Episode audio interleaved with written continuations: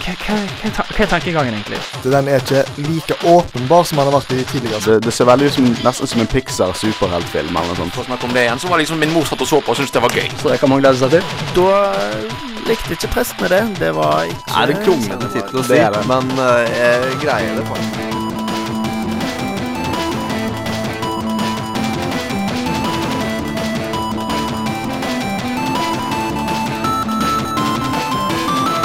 Hei og velkommen til en ny strålende dag her i Bergen, i Studentradioen i Bergen, i Parkveien 1, i spillemagasinet Hardcore!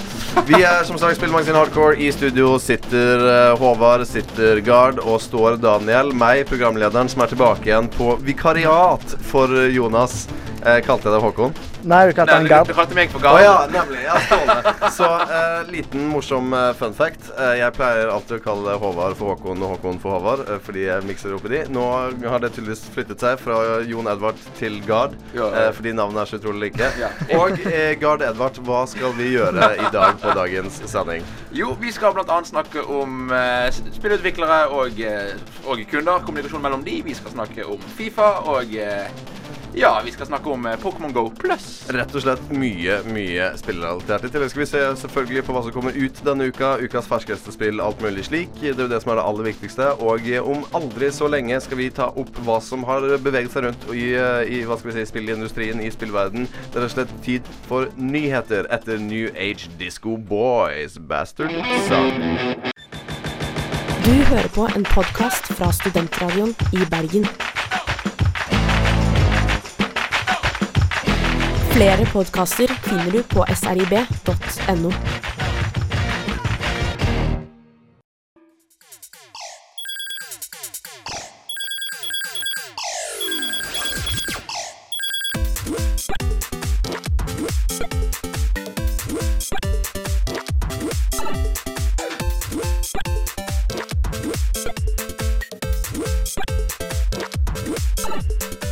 er tid for nyheter her i Hardcore, og vi skal høre det aller viktigste fra uka som gikk, og eh, uka som kommer, ish. Ja, eh, Star Wars Battlefront har endelig fått en eh, ny delelse. Eller endelig og endelig. Spørs om du liker det. Um, det er Death Star. Jeg vil jo si det er noe folk burde like. Det er jo det mest kjente, vil jeg si, fra Star Wars, eh, om ikke det kjente. Det er noen nye kart. nye ny game òg, der du skal faktisk ødelegge Death Star med å sende sånne fotontorpedo uh, ned i et lite hull. Ja. Og ikke minst så eh, får vi endelig spille som vår favoritt-kjæledyr, uh, Chewbacca. Nydelig. Så rett og slett endelig får folk det de har betalt for i eh, season passet sitt til Battlefront, nemlig Death Star og alt mulig slik. Og de har betalt mye. I andre nyheter skal vi få høre at eh, Blizzard, det veldig kjente spillutviklerselskapet, skal legge ned sin eh, ganske kjente også internetttjeneste Ja. Battlene. Eller unnskyld, de skal ikke legge den ned, men de skal rename den og rebrande den og alt mulig sånn fancy. Eh, det som har het Battlenet nå i nesten 20 år, skal begynne å hete bare Blizzard. Jeg antar det er en forenkling og nedtrapping i liksom hvordan de administrerer og driver på med denne battle-klienten, eller online-klienten, etter hvert som på en måte teknologi og internett har utviklet seg siden de lagde den. Så, eh, men altså, jeg som ivrig Blizzard-fan vil jo i hvert fall tenke at eh, selvfølgelig det blir jo litt trist når, eh, når den tingen forsvinner, men det er jo det er bare et system, så i hvor stor grad er det trist? Selvfølgelig. Det er da mer navnet enn noe annet. Eh, og så til slutt så har vi Digital Homicide. Det er en spillutvikler. De saksøker spillerne sine for 150 millioner kroner pga. sjikane. De mener at de er blitt eh, dårlig behandlet av spillerne, og de var klager sure og sinte og frekke. Og eh, Steam syns ikke dette her er så greit, så de da begynte å ta ned spillet til Digital Homicide fra Steam Store. Så eh, det er jo fascinerende. Det er ganske drøyt, syns jeg, at Ja. på en måte en utvikler saksøker eh, spillerne sine. Det er noe du i hvert fall ikke har hørt om. Det er litt sånn som NRK skulle saksøkt seerne for et eller annet eller noe. Ja. Det, ikke at det ikke har skjedd, det har faktisk skjedd sånne ting, men det er i hvert fall en veldig unik sak. Og om de vinner frem, er jo også et stort spørsmål. Ja, og det som er Digital Homicide de er jo si, de er, ikke, de er ikke kjent for saksøke, men de har gjort det før. Det var de som eh, Jeg husker ikke hvor lenge siden det var, men de saksøkte òg Jim Sterling fordi at de var ikke helt fornøyd med det han sa heller. Så da Og eh, som vi vet, så vant jo ikke det frem i det hele Nei. tatt. Så eh, hvordan dette søksmålet her kommer til å gå, er jo et spørsmål. Vi skal faktisk snakke litt om nettopp det spørsmålet senere i sendingen her i Hardcore. Men aller først skal vi få ukas låt, som er Honningbarna med 'Drep meg', og etter det Fifa 17! Ah!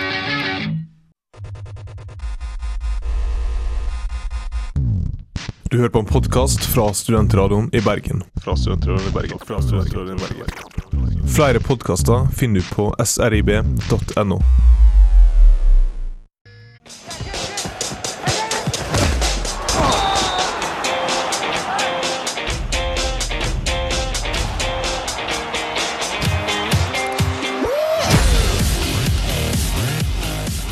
Honningbarna, altså, med 'Drep meg' her på Studentradioen i Bergen. Eh, Det er hygge og eh, alt over hele. Det er tirsdag. I studio sitter Jon Edvard og eh, Håkon Nei, Håvard. Det er bare én som har lov å ha navnet sitt riktig. ok? Dere får velge hvem det skal bli. Det går bra, Jonas. Det går bra. tusen takk. tusen takk Uansett, navnefeil og alt mulig slik. Som dere nettopp hørte, så var det en ørliten trailer fra det bitte lille spillet Fifa. Eh, eller Football International Football Association, er ikke det? Eh, et eller annet sånt, i hvert fall. Og de gir jo ut spill hvert eneste år. Det er liksom så sikkert som at fuglene flyr sørover, så kommer Fifa med et nytt spill eh, på eh, høsten. Og eh, det er liksom Hvor stor endring det er fra de forskjellige, er jo ganske forskjellig fra spill til spill. Nå kommer Fifa 17, fordi det er alltid sånn at årets spill kommer ut året før. Så Fifa 16 kommer ut 2015, selvfølgelig. Og Håvard, hva er det nyeste vi kan forvente oss i eh, Fifa 17? Ja, alt ser mye bedre ut, fordi eh, de jobba ekstra mye med det i år. Ja. Eh, altså, nå har de uh, gått over til Frostbite Engine, som uh, er den som blir brukt i Battlefront, uh, Battlefield. Mm. Så eh, Engine vil jo si da selve spillmotoren som Ja. er bygget i, og, Ja. og som spillet er rundt. Og det påvirker jo hvordan spillet eh, samhandler med seg selv, hvordan fysikken fungerer, alt mulig sånn. Så når man endrer engine, så pleier jo det skje litt sånn drastiske endringer, nesten. Egentlig.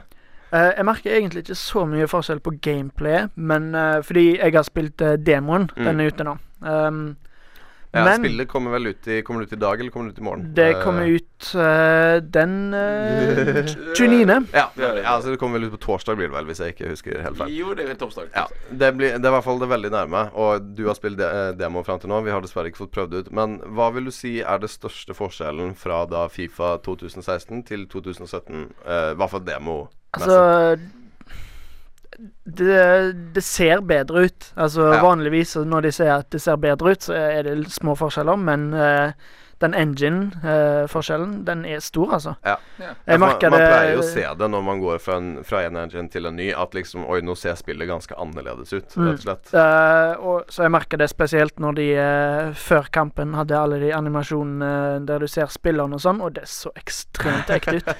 Det var nesten Ja. litt skummelt. Ja, for det er litt sånn Det er det jeg og, og Øyvind fikk. Jeg vet ikke om dere har hørt den sendingen som var tidligere i år, men når vi så på Grand Theft Auto Nei, unnskyld, eh, eh, Grand Turismo, Ja. som kommer til PlayStation 4, og litt denne realism-følelsen der også, hvor på en måte Er dette bilder av biler som de bare har klippet inn, eller er dette faktisk eh, liksom fra spillet? Og jeg fikk litt samme følelsen også når jeg ser de nye bildene fra, fra liksom nye Fifa 2017, nye Frostbite Engine. Det ser utrolig bra ut.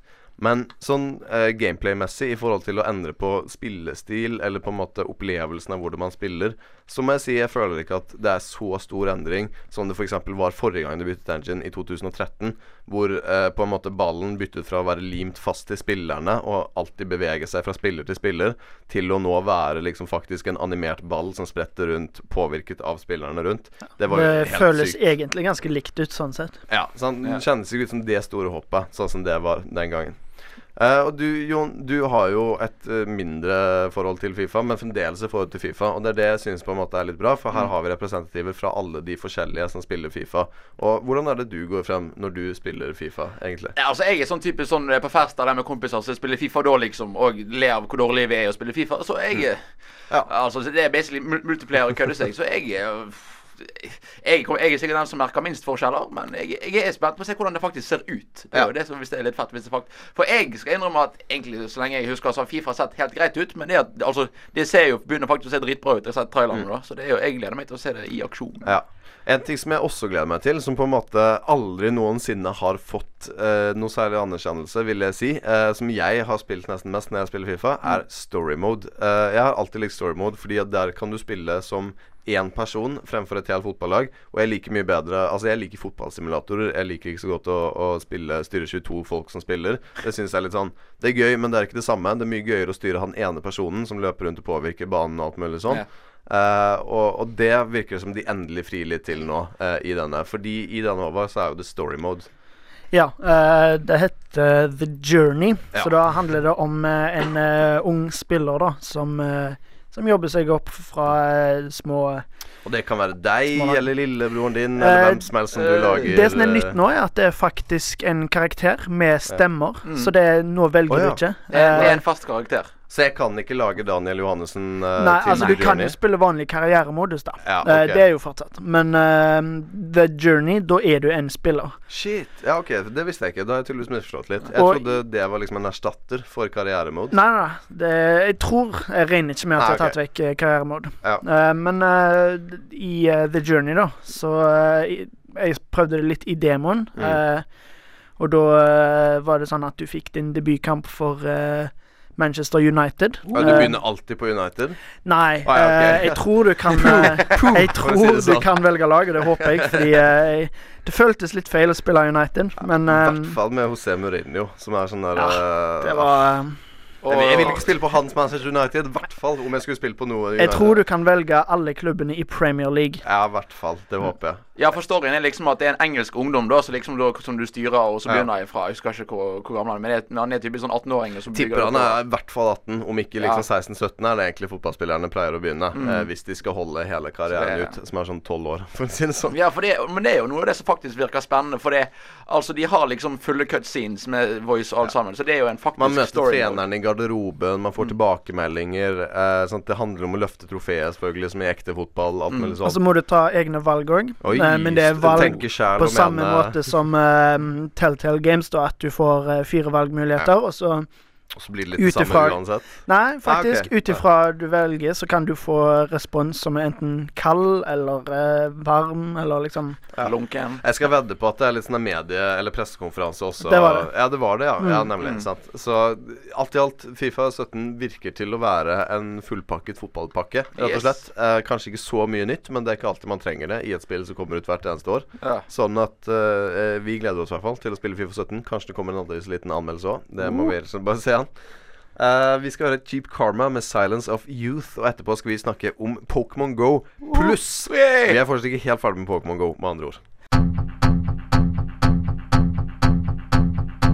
Du hører på en podkast. På Studentradioen i Bergen. Flere podkaster finner du på srib.no.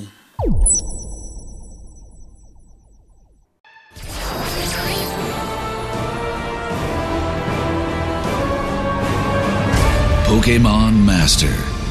Cheap Karma, 'Silence of Youth' her i eh, Studentradioen i Bergen. Du hører på spillemagasinet Hardcore fortsatt. Woohoo! Håvard og Jon Edvard sitter her med meg, og vi skal snakke om eh, et fenomen som du kanskje Enten er du veldig lei det, eller så digger du det fortsatt. Det er selvfølgelig Pokémon Go. Jon Edvard er kjempeengasjert. Yes. Eh, og grunnen til at vi tar det opp, er jo ikke fordi at vi bare elsker Pokémon Go overalt i verden og på en måte må snakke om det hver uke, men fordi at nå har det skjedd noen store oppdateringer. Ja. Og Jon Edvard, hva er de? Altså De store oppdateringene til Pokémon GO nå i det siste har vært at de har fått eh, litt forskjellig De har fått type buddy-system som gjør at du kan gå rundt med en Pokémon og samle en haug med candies. Du har fått Leie han på gaten? Leie på gaten. rett og slett. Du, kan, du drar en Magikarp etter deg med et bånd, liksom. Åh, nydelig. Det er det, og så er det generelt mer stabilitetsgreier. Så er vel egentlig det store som har kommet foreløpig. Og så er det òg rykter om at trading er ganske nærme. Så det er Rykter om at featuren som var liksom lovet på E3 eh, jeg, må, jeg må jo bare si det, at liksom skuffelsen over at det ikke er trading, eller i hvert fall player versus player Come battles, eh, som på en måte ble lovet fra starten av, som Mm. er det store selling point i Pokémon, Hvorfor er det ikke her ennå? Ah! Jeg har lyst til å ha en rage-quit om det, men vi skal ikke det. Vi skal snakke om eh, en ny oppdatering på Pokémon GO som om det ikke er trainer battles og i PVP, så er det i hvert fall en slags eh, forbedring, for å si det sånn. Det- da. ja da, det- Eller vi skal i hvert fall finne ut av nå om det er en Ja. forbedring eller ikke. Mm. Fordi Jon Edvard, du har jo nå da fått dette Pokémon pluss-abonnementet, og ikke minst armbåndet som hører yeah. til, eh, som har vært lokket med i en del uker nå, egentlig. Hvordan Ja. funker det? Hvordan er det å ha Pokémon Eh, GO pluss? Pokémon GO Plus det er en greie som du kjøper et eller annet sted, så du får på armen. Det ser ut som er verdens barnsligste smartklokke. eller noe sånt. Eh, Du går rundt på armen, og så er han koblet til telefonen din via Bluetooth. Og så kan han Så vibrerer han, og så kan du trykke på han, og så kan du fange Pokémon. Du kan få Men er det, er det en skjerm på han? Du sa det ser ut som smartklokke. Nei, det, er- det, det er ikke en skjerm på han. Han er bare en liten ting som lyser. Så det er Ok, Men det er et interactive display, i hvert fall. Bare ikke en skjerm. Eh, Nei, ja, ja da, han lyser Altså, det er forskjellige farger som han viser. da Så type grønn for en eh, Eller jo, det er grønn for en Pokémon du har fanget før, oransje for en ny en, og blå for Pokéstop. Ok. Ja, Så du går rundt med den, har Mm. mobilen i lomma. Uh, store spørsmål selvfølgelig. Kan du skru av appen, og, eller i hvert fall lu- lukke mobilen uh, og spille det fortsatt? Det kan du. du, kan lukke, Ja. du men du må åpne appen, trykke 'connect'. Og så er Ja, det må du gjøre gjøre én gang, i hvert fall. Gjør en gang, og så må Ja. du altså gå ut av appen. Du kan, hvis du lukker appen helt, altså skjøter den helt ned, da må du gjøre det på nytt. Da, Ja. da går den av. Men eh, ja, for jeg tenker bare på rett og slett bare lukker den i pause, sånn som man har lyst til. Sånn som man Ja. ikke har kunnet i Pokémon GO. Det eh, kan du nå endelig gjøre. Ja, nemlig. Ja. For det er jo det store. Men uh, hvis du lukker appen, får du fortsatt uh, Altså når du går, får du fortsatt uh, egg og sånn? Eller? Eh, ja da, du får han, han, han teller kilometer og alt sånt. Det gjør han. Så det er egentlig veldig greit at du kan egentlig bare istedenfor å gå rundt med, hånd, nei, med telefonen i hånden hele tiden, kan du bare skru den av, og så kan du gå om det går rundt i byen eller gå på tur eller hva det er. Så kan du bare Så får Ja. du kilometer. Så rett og slett endelig med Pokémon GO pluss kommer en, alle de funksjonene som skulle være der i det første. Bortsett fra trading og PvP. Ja, ja, for jeg kan jo si det at altså det at jeg har en Pokémon GO Plus, så jeg bare trykker på hånden istedenfor å ta opp telefonen hele tiden og blø batteri, Mm. betyr jo at jeg går litt tilbake til at det er litt enklere å bruke Pokémon GO sånn i hverdagen, bare for gøy. Ja, for det, liksom, det er jo det jeg har lyst til. At Pokémon GO skal At jeg har det på mobilen i lomma, og så Mm. vibrerer det og sier 'Hei, den Pokémon er. Eh, jeg syns ikke det er så pes måte å dra den opp, men sånn som det er nå, så må jo man på mobilen bare gå ut med mobilen hele tiden. Du må gå og holde den i hånden. Ja, og og bruke eh, batteri, og ikke minst vise til hele verden at du spiller Pokémon GO. Ja. Og det er kanskje det verste, vil jeg si. Men eh, i forhold til Du nevnte dette med å blø batteri. Hvor mye batteri tar en sånn dings? eh, Nei, altså, du, altså jeg har ikke merket noe særlig på batteri i det hele tatt med å ha ham på. Så det er, du, han, han trekker veldig lite, tror jeg. Ja, nemlig. Mm. Uh, og hvis du spør om det, hva er prisen på noe slikt? Altså, jeg betalte ca. 450 kroner uh, Ja. på spillsjappa. Eh, ja, det, det, det er penger, det. Det er ganske mye penger for å, å Ja, denne lille plastikktingen, for å si det sånn, da. Ja, Eh, jeg kan være helt ærlig og innrømme at altså, det er for mye penger for funksjoner som skulle vært der når spillet kom. Ja. Så jeg kjøpte den litt, litt som kuriositet, og litt sånn jeg deler med noen andre, som folk har fått prøve. Og så er det, det er morsomt å ha den, men det er ikke sånn Ikke gå ut og kjøp den fordi du er glad i Pokémon GO, hvis du bare spiller det av og til. Ok, Så det er anbefaling til da kanskje de som spiller det De som nå er organiserte og spiller det ofte og er sånn gjenger og alt mulig. Ja, De som har sånn Team Mystic-logo eh, på armen, liksom. Det er Ja. de som går rundt og De kan heller kjøpe Nei, ja, for 400, det er drøyt mye penger for eh, et par funksjoner og en plastikkting, altså. Ja, for å si det sånn, jeg har, jeg har klart å forhåndsbestille nye Pokémon-spillet til 350. Så nå- There you got it. There you got it. Uh, straight from the horse's mouth. Vi skal høre Kråkesølv med lenge siden sist, og etterpå skal vi få høre fortsatt Jon Edvard, som har laget et innslag om eh, Federation Force. Er det noe du har lyst til å si om det kjapt, før vi går over? det, ikke så gale som jeg trodde, men eh, jeg, jeg skal si mer etter hvert. Veldig bra. Her får du altså Kråkesølv med lenge siden sist.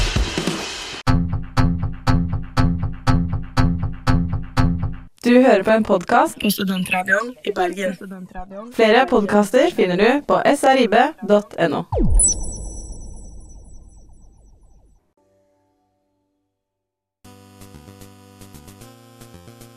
Metroid.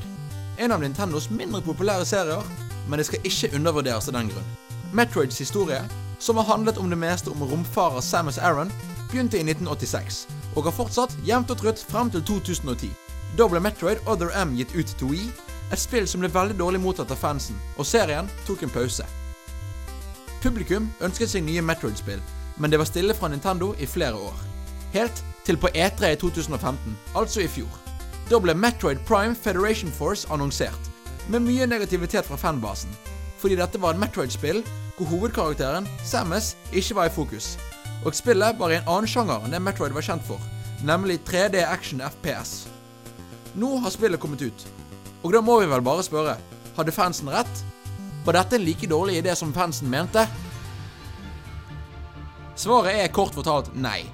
Dette er ikke det verste spillet som eksisterer. Jeg vil ikke engang kalle det det dårligste Metroid-spillet. Gameplayet i Federation Force er ganske likt Metroid Prime-spillene. Det er en FPS, altså en first person shooter, som er en spillsjanger hvor man ser spillet ifra spillkarakterens øyne, bokstavelig talt. I Federation Force, som i tidligere Metroid-spill, løper man rundt på forskjellige planeter og utforsker. Den store forskjellen er som sagt at man ikke spiller som tidligere hovedkarakter Samus, men som en soldat fra Federation Force, en romhær. Enten alene eller sammen med andre. Men det er ikke direkte negativt. Spillet er gøy når det virker, og følelsen av å kunne være i en intens kamp på en ensom ødeplanet på en liten håndholdt 3DS virker overraskende bra. Dessverre er det mye i Federation Force som ikke virker. Eller, det virker, men det er ikke godt nok. En av de tingene som ble hardt markedsført med spillet, var at man kunne spille sammen med andre, og det merkes. Når man spiller i multiplayer, helst med venner, eller noen man kan kommunisere med via Skype eller noe annet, så fungerer alt som det skal. Og det er kjekt. Men hvis man skal spille aleine, faller en del av opplevelsen vekk. Aktiviteter som tar et halvt minutt når man er fire, tar to minutter når den ene spilleren må gjøre det samme som de fire spillerne skulle ha gjort. Jeg måtte flere ganger løpe rundt og gjøre flere ting, som f.eks. dytte fire baller i et hull, eller skyte flere forskjellige fiender fire forskjellige steder, fordi det er laget for fire spillere som skal gjøre det samtidig. Og boss battles tar noen ganger unødvendig lang tid, fordi bossen har beregnet helse for å være en utfordring for fire spillere. Dette gjør at spillet føles treigt, og trekker hele opplevelsen ned et hakk. Hvis du spiller alene. Kunne ikke dette blitt gjort noe med? Det skal sies at dette spillet ikke startet som en Metroid-spill, men som en generisk 3D-skyter. Når du ser på det ferdige produktet, er det veldig merkbart. Historien er sånn passe, og føles mer som noen som blir kastet på til slutt, enn noen som er med gjennom hele reisen. Som er trist, siden Metroid-serien er kjent for å ha gode historier med heftig law. I Federation Force finner man ikke så mye mer enn noen kjedelige tekstbokser som forklarer hvorfor du gjør hva du gjør, og litt mer info om verdenene du er i rundt om i nivåene. Men det er ikke mye. Grafikken og musikken er helt grei, og 3D-en gir en litt kul effekt i spillet. Kontrollene er i teorien overraskende god. Jeg bruker gyroskop, som betyr at du da beveger på 3DS-en for å bevege på kamera. Men jeg fikk mye vondt i hendene når jeg spilte i lengre perioder. 15 minutter, det var maks for meg. Da begynte jeg å få krampe i hånden fordi jeg trykket så mye på knappene. 3DS-en er nok dessverre ikke lagd for å spamme skudd i et skytespill. Jeg må jo òg nevne at de får med Blastball, som er en blanding av fotball og Federation Force, men heller her er ikke noe særlig dybde å finne. Man kontrollerer figuren på samme måte som i Federation Force, og man har til og med mindre bevegelsesmuligheter i Blastball. Reglene er òg ekstremt enkle.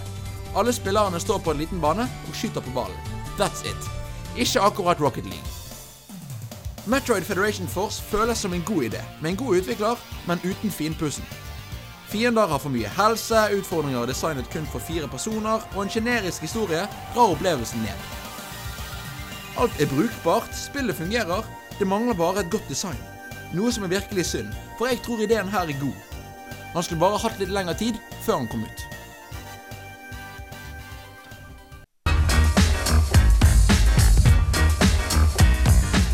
Du hører på en podkast fra Studentradioen i Bergen. Denne og mange andre flotte podkaster finner du på podkast.srib.no. Stop fucking up!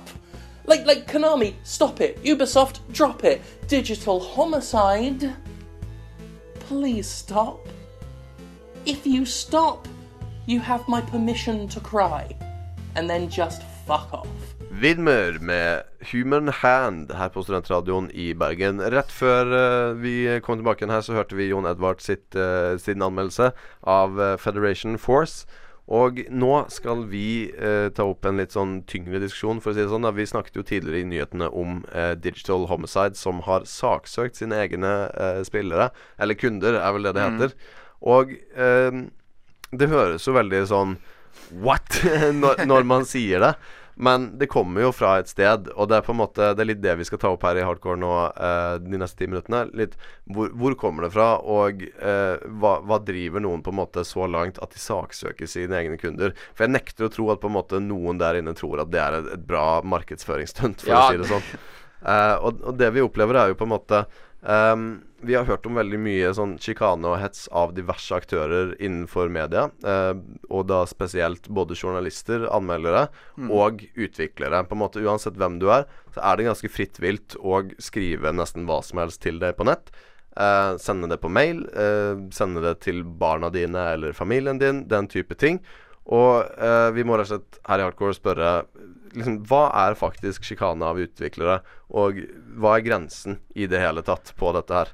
Ja, eh, altså, Vi vet jo ikke hvem disse spillerne er som Nei. er blitt eh, saksøkt. Eh, så det er ikke godt å si om det er folk som kom med legitim kritikk, eller Mm. om det var folk som eh, kalte de for gay retards, you should kill yourself og Ja. sånne ting. Det litt vanskelig å vite. For, for spillet deres har jo masse, masse dårlige anmeldelser, men av de så er det jo bare 200 spesifikt som er tatt ut. Og jeg lurer på om da liksom det er 200 mennesker som har vært veldig krasse, eller veldig ødeleggende for de.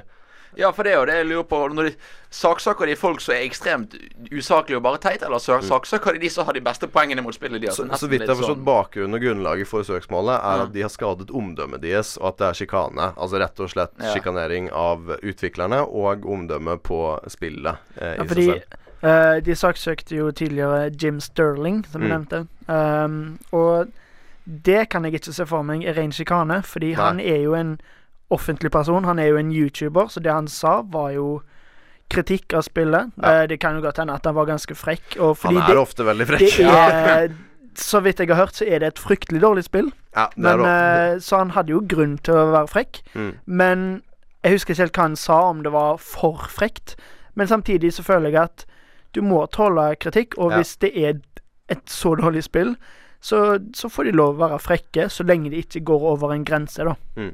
Nei, men jeg er helt enig i at på en måte det er stor forskjell på kritikk og bare rett og slett hets og, og rett og slett drapstrusler til Anita Ja. Sarkeesian og alt dette her, på en måte. Det, er sto, det er en stor linje, altså den norske og svenske grensen, ti meter lang, brei skogsgrense mellom de to. Uh, og, og hva er liksom Det er jo også det store spørsmålet. Hvordan vet man at uh, utviklerne faktisk har det på sitt redne at det var spillere her som på en måte har aktivt sjikanert de? Uh, og aktivt på en måte oppsøkt de for å ja, trekke de ned, ødelegge omdømmet deres og sosial, sosial plage de? Eller er det bare folk som har vært, som dere sier, ekstremt kritiske?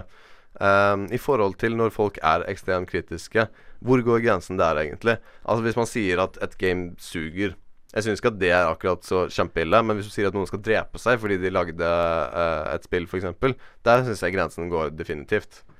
Ja, det er jo litt den der liksom eh, Den som man pleier å si. Hvis du tør å si dette til trynet deres, så er det i hvert fall greit å poste det på nettet. Men det er liksom Ja. Altså eh, det, det at, at Hvis du går på produktet Jeg synes produktet ditt suger og bla, bla, bla. Mm. Altså, så det, Jeg synes egentlig som oftest er greit. Tingene når du begynner å gå på personen. Ja. Når du sier at du er teit, eller du er dum, eller du skal dø. Ja, Det nei, men jeg er helt enig i Mm. at på en måte uh, man burde egentlig kunne si hva man vil om et produkt, Mm. og så burde ikke utviklerne ta det til seg personlig. Og det virker jo nesten som kanskje det har vært litt tilfelle også her. Ja, for det er sånn, altså Hvis du er en kreativ person, så må du tåle at folk ikke liker det du lager. Det er sånn enkelt ja. er det. Ja, ja, altså rett og slett. Og som kreative personer, vi lager jo radioshow hver uke. Veldig Hey. mange som ikke liker det. nei da, nei da. Men i alle fall Hvis jeg sier noe stygt om oss, så saksøker vi dere. Rett Oh og slett. Rett og slett. Nå, nå vet vi hvordan det gjøres. Ja, Men i alle fall, eh, det som jeg syns, er jo at eh, Jeg syns det er rart at de velger å saksøke, eh, saksøke sine egne kunder. Fordi til tross for liksom Jeg syns at terskelen skal være rimelig høy for hva disse kundene skal ha sagt og gjort for at det skal faktisk være et legitimt søkemål. Eh, og ikke minst så er jo det den dårligste PR-en i hele verden. Ja, og det har egentlig bare gått veldig imot disse her Digital Homicide. Fordi at nå har jo annet flere av spillene dine- spillene deres har blitt trukket fra Steam. Ja, ikke sant? Så det er jo liksom Nå bare taper de mer penger og får en haug med presse for at de er idioter. Mm. Så jeg vet ikke om det er liksom en case av all PR er god PR, eh, og at de har lyst til å på en måte bare komme i søkelyset, men det har de allerede greid med flere sånne stunts som dette her. Eh, så jeg er ikke helt sikker på på en måte eh, Ja. Det store spørsmålet, eller hvis vi skal prøve å trekke noen konklusjon da på dette her med hvor, hva er grensen for hva kunder kan forvente å si av på en måte de som leverer produktet til dem, så ville jeg si at som du sa, Jon Edvard, alt du ville sagt til trynet folk, det burde være helt greit Mm. å legge ut. Og ikke minst egentlig det aller meste som handler om selve produktet, burde være lov å si. Hvis, altså, hvis du har laget et produkt som er direkte liksom eh, Det er ikke bare en metaforisk pile of shit, det er faktisk en pile of shit i en boks, liksom. Ja, så må det være lov å si hei, dette er en pile of shit, liksom. Jeg har, dette var ikke det jeg hadde lyst på i Mm. det hele tatt. Uh, apropos alt det, vi skal snakke mer om dette her, og ikke minst No Man's Sky etter sangen uh, 'Livsløgn kjært barn'. Du hører på en podkast fra Studentradioen i Bergen. Flere podkaster finner du på srib.no. Will I get bored playing this game? no. Will you be able to play with your friends? Yeah. Yeah. Yeah. Livsløgn med kjært barn her på Studentradioen i Bergen. Du har fortsatt på spillmagasinet Hardcore, og jeg heter Daniel, og med meg sitter Håvard og Jon Edvard. Yes! Du husker navnet mitt. Yes! jeg har greid det de siste minuttene, eller eh, 40 minuttene, vil jeg si. Men iallfall, uh, vi snakket jo nettopp om dette her med sjikane og hets av utviklere. Eh, hva er det greit at spillere sier til utviklerne sine? Hva er det greit at spillerne forventer av utviklerne sine? Alt mulig sånn. Rett og slett kommunikasjonen fra spillerne til utviklere. Ja. Nå skal vi flippe det litt rundt og snakke om kommunikasjon fra utviklere til spillere. For der er jo det også en del sånn eh, Det har jo vært kontroverser, ikke minst. Eh, kanskje ikke så mange søksmål. Det har vel vært det, sikkert. Av Det eksisterer noen- sikkert. Ja, da, av noen som på en måte føler seg forulempet eller et eller annet sånt fordi det er blitt lovet eh, noe de ikke fikk. Men veldig ofte så kommer jo de søksmålene i form av at folk rett og slett bare leverer tilbake spillet og får pengene tilbake. Eh, og, og på en måte sakstallene går ned. Det eksisterer jo faktisk da saksmål mot uh, No Man's Sky. Det er folk som har saksøkt det fordi at det var, dette de var ikke- gjør det faktisk, Det, det eksisterer faktisk det fordi folk tenkte at dette var ikke det spillet jeg ble Nei. lovet.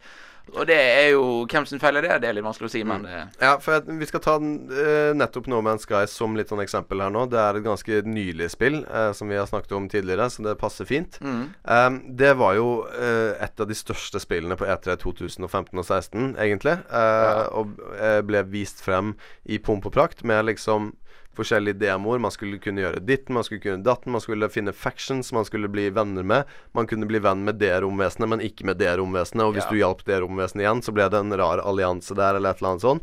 Eh, tusenvis av ting som på en måte ble eh, Om ikke lovet, i hvert fall sagt skulle være der. Ja. Eh, og jeg føler at det nesten er et løfte. Og så Ja. var det ikke der. Ja, for det var det gjerne noen kan si var den største feilen som skjedde med No Man's Skys markedsføring, var nettopp det at det var liksom et av de store tingene til Sony på E3 både 2015 og 2016. Mm. De viste noe som egentlig bare er et lite indiespill, fram sammen med trippel A-spill, liksom. Og lovte at dette skal bli sykt fett og det beste, og du skal liksom lage din egen romopera, liksom, og kunne dra rundt og gjøre mm. masse forskjellig. Ja, for det var rett og slett det, liksom. og- Ja. At man skulle kunne løpe ut og lage sin egen romopera. Mm. Eh, og et spill på, eh, liksom med 15 eh, utviklere skulle være stort, et univers som ble eh, laget eh, tilfeldigvis når du på en måte kjørte gjennom det. Alt mulig Mm. sånn. Man skulle kunne møte andre folk, man skulle kunne lage tradingallianser, alt mulig sånn. Og eh, det skulle være det store romeventyret som alle håpet på. Men eh, jeg, jeg føler jo at det levde jo ikke opp til forventningene Eller jeg, jeg vet at det levde ikke opp til Ja. forventningene i det hele tatt. eh, fordi det endte jo opp med å være et veldig lite spill som var litt sånn nesten det man kunne forventet av 15 utviklere. Så det store spørsmålet blir jo hvem har skylden for denne store hypen? Eh, hvem skal vi skylde på? Og så er det jo litt rart òg, fordi eh, de snakket jo veldig mye før det kom ut eh, om hva som eh, skulle skje, og hvordan Ja. det skulle være og sånn. Vi var nå- på Colburn, var det ikke det? Eller på Tonight Ja, ja, Show? ja. Jo. Eh, og uh, så fikk det jo litt dårlig kritikk. Det er Sånn som vi snakket om i stad. Mm. Eh, det fikk dårlig kritikk. Ja. Eh, nå har de jo egentlig bare holdt kjeft. Har Ikke ikke bare har de ikke bare holdt kjeft, men det har vært helt stille. Har det kommet noen nye oppdateringer òg? Eh, det har det. Det har kommet det har det. oppdateringer til spillet. De jobber absolutt, det merker man. Mm. Men det er veldig stille fra Hello Games, utvikleren No Man's Sky. Sean Murray, som er denne liksom fyren som har vært ute i media og intervjuet av Colburn, alt mulig sånn. Fjeset til Hello Games, Ja, liksom. basically. Og ikke minst administrerende direktør eller noe Ja. sånt. Han har på en måte vært overalt og lovet diverse gull og grønne skoger, og eh, har nå blitt Altså, det finnes så utrolig mange videoer av han på YouTube som heter basically 'Sean Murray is a liar'. Og da kommer vi Ja, altså Det er, Det det, det er morsomt, men vi kommer litt tilbake igjen til dette med sjikane og hets, på en måte. Mm. Uh, I hvor stor grad er det greit å på en måte slippe fjeset hans på denne fiaskoen? Uh, jeg er helt enig i at vi burde holde Hello Games responsible, og på en måte uh, Jeg kommer ikke til å kjøpe flere spill av de, for å si det sånn. Det er min måte å si at jeg ikke syns dette er greit. Jeg Mm. kommer ikke til å gi de noen sjanser igjen. Men uh, i forhold til å på en måte uh, harselere med Sean Murray i seg selv, og legge ut han som på en måte Å, den løgneren på internett.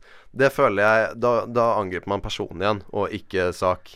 Altså, jeg synes det er veldig synd, for Sean Murray, altså før No Man's Sky kom ut, så var det liksom Han var nesten en helt for sånne spill. Han, var, han var dritfet. Og liksom Det var han som lot etter bildet og de liksom hadde den endelige disken, men nå var spillet ferdig. Mm. Og han liksom har tweetet og snakket om ting. Og han har bare vært stille. Det, var, det har ikke vært en eneste tweet eller noe på en måned eller to, basically. Og det var, det, jeg syns egentlig det er veldig synd på en måte. Selv om altså, det er jo Det er sånn som skjer når du lover gull og kommer med stein. Ja, for det må jo sies at det, det er jo ikke bare sånn at liksom Å, stakkar, han har jo virkelig vært ute og løyet i media. Det er helt Altså, jeg er jo enig i de vi- videoene som på en måte viser Altså, folk har klippet sammen sånne ting han sier. Mm. Eh, kanskje sånn 50 ting som han har lovet, og så er ingen av de i spillet. Og du kan liksom Du kan gå detaljer og se til det. Og da må man bli på en måte smekket på fingeren og fortalt at Hei, det er ikke greit å gå ut og re- regelrett lyge om produktet sitt. Men i hvert fall ikke gå på mannen, gå heller på spillet og gå på og, eh, Eller teamet, holdt jeg på å si. Selskapet er det som jeg ville sagt. Ja, ja, så det der, så det heter på engelsk Vote with, vote with your wallet. Altså ikke, ikke kjøp spill eller videre spill, som du sier, Daniel. Fordi at disse utviklerne her har ikke Altså, de har bevist nå at de kan ikke levere det de sier. Nei, ja, og det er på en måte den gode gamle fool me twice. Mm. Uh, og ikke minst uh, Jeg føler meg litt dum som allerede har på en måte betalt for det. Fordi uh, jeg skulle ønske jeg hadde ventet lenger. Og det er på en måte en feil jeg som konsumer har gjort, Mm. og burde ta til meg. At man burde ikke forhåndsbestille ting som blir hypet så mye som f.eks. No Man's Sky. Og man burde ikke eh, høre på alt hva utviklere på en måte kommuniserer til eh, kundene sine. For det er tydeligvis en veldig lav terskel for å lyge om det. Fordi det er jo ikke bare Sean Murray eh, som har gjort det. Det er mange eksempler på sånn. Du har type et, et, et av de mest kjente er jo da Alien Colonial Marines, som det het. Hvor, sånn, hvor de, igjen, de bare løg. De bare viste en Hei, dette er- sier de, de sa det var spillet, men det var ikke spill. Det var altså bare fake. Eller Fable fra Lionhead og. Peter Molyneux og alt mulig sånn. Ja. Men vi har ikke tid til å gå innom det. Vi skal hoppe kjapt over til ukas utgivelser etter eh, Jakob Ogva med 'You'll Be On My Mind'. Du hører på en podkast fra Studentradioen i Bergen. Fra Studentradioen i Bergen. Fra Studentradioen i Bergen. Flere podkaster finner du på srib.no. Hva kommer i dag? Hva kommer i morgen? Hva kommer på torsdag? Hva kommer på fredag? Hva kommer på lørdag? Hva kommer på søndag? Hva kommer på mandag? Men ikke hva kommer på neste tirsdag. Hva kommer mandag, tirsdag, onsdag, torsdag, fredag, men ikke neste tirsdag? Det er tid for ukas utgivelser. Her i Hardcore. eh, det er det siste vi gjør på slutten av dagen. Litt sånn for å glede oss til det som kommer ut denne uken. eh, og eh, vi skal rett og slett bare hive oss ut i hva som kommer. Yes, og vi begynner med i dag, på tirsdag 27.9.2016. Da kommer Forza Horizon 3 ut til uh, Xbox One. Det er det nyeste bilspillet til Xbox, som da er vel kanskje den største uh, konkurren konkurrenten, eller i hvert fall vært det tidligere, til Gran Turismo på PlayStation. Absolutt. Det er vel det fortsatt, vil jeg si. Om ikke Ridge Racer også kanskje innimellom der. Men Ja, eh, litt, men det er, i hvert fall, eh, det er i hvert fall et av de feteste spillene. Og jeg har sett, altså Og det ser igjen, litt som vi snakket om Fifa, det ser skummelt realistisk ut. Så jeg, eh, jeg har nesten lyst på en Xbox for å spille det, men så ser jeg eh, ja. På torsdag den eh, 29. så kommer Fifa, som vi snakket om eh, tidligere i dag. Så eh, ja. Vi har jo allerede snakket om eh, hva vi kan forvente, alt mulig sånn, så ja. Hvis du vil vite hvorfor du bør kjøpe den, bare spol tilbake i sendingen. For dere som hører på podkast, dere som hører på radio, kan dessverre ikke. Sorry. Ja, det- eh, men det er nytt fotballspill. Det er kjekt. Slik er det. Jeg må si tusen takk til dere, Jon Edvard og Håvard. Eh, Det har vært hyggelig å være tilbake her på sending med dere. Eh, Det er jo ikke noe som kommer til å skje så ofte. Jonas er tilbake igjen neste uke. Sånn at eh, da er det han som er tilbake igjen bak spakene. Men tusen takk for meg. Jo, vel, veldig kjekt å få være på sending med selveste Daniel. så ja, ja, ja, ikke sant. Og ikke minst tusen takk til vår produsent Maria Hausgjerd. Og tusen takk til alle dere lyttere der ute. Tusen takk til alle barna i Hakkebakkeskogen. Og ikke minst tusen takk til deg, Arnfinn. Ha det bra. Hæ? Du